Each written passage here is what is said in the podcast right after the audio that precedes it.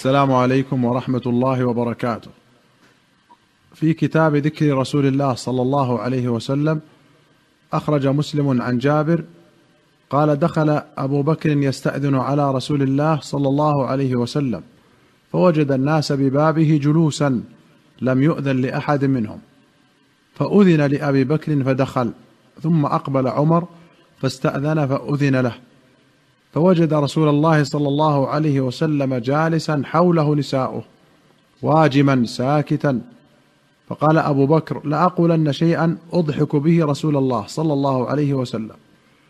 فقال يا رسول الله لو رأيت بنت خارجة تسألني النفقة فقمت إليها فوجأت عنقها.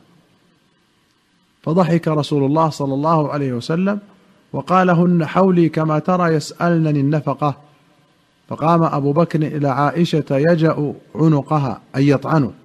وقام عمر إلى حفصة يجأ عنقها. كلاهما يقول تسالن رسول الله صلى الله عليه وسلم ما ليس عنده؟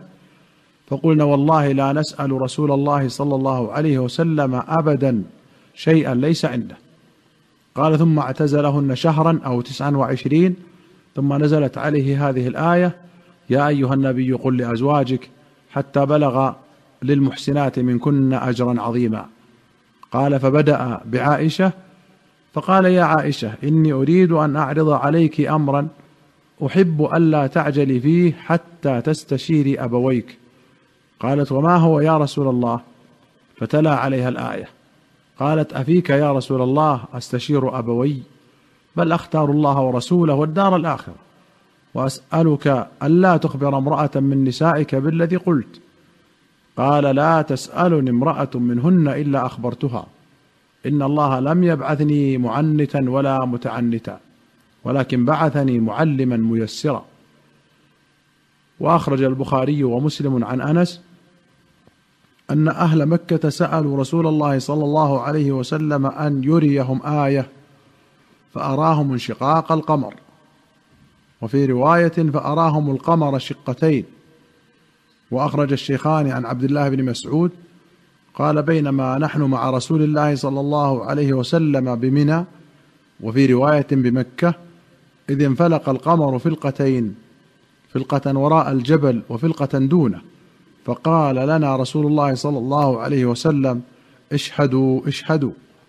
وفي أخرى قال انشق القمر على عهد رسول الله صلى الله عليه وسلم فلقتين فستر الجبل فلقه وكانت فلقه فوق الجبل. فقال رسول الله صلى الله عليه وسلم اللهم اشهد.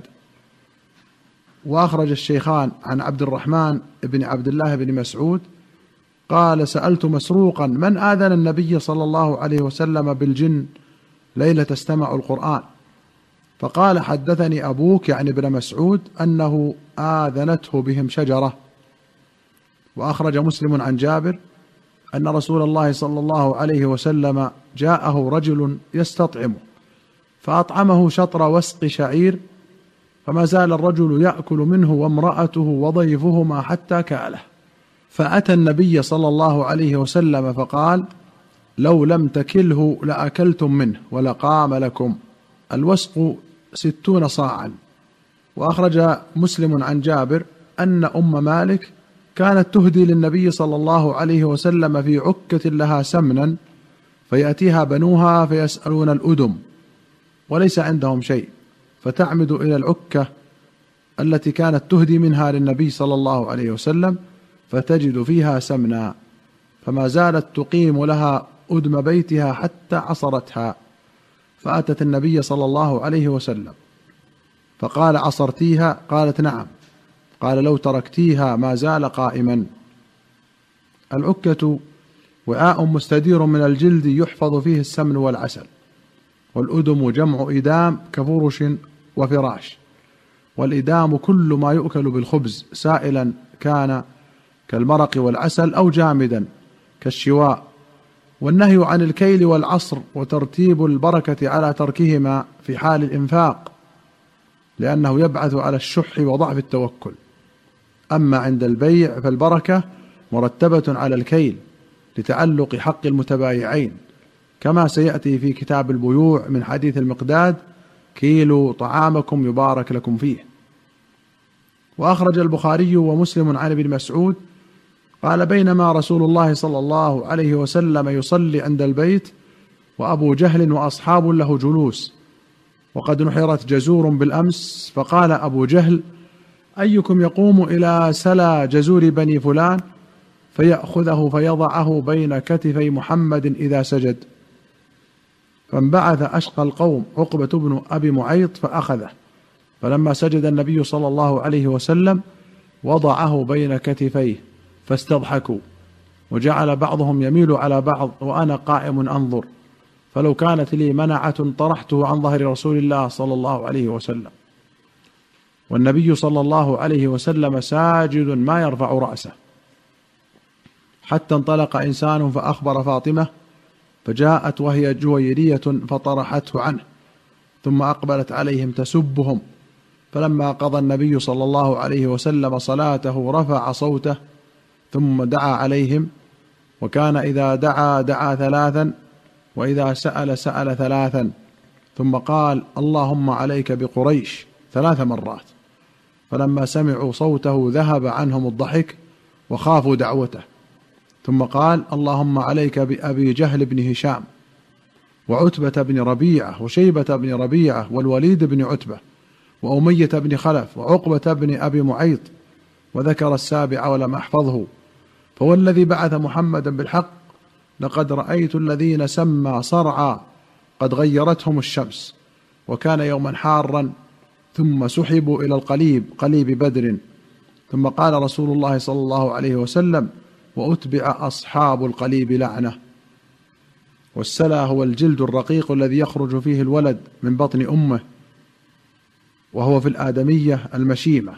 وقوله لو كان لي منعة أي قوة وقوم ينصرونني.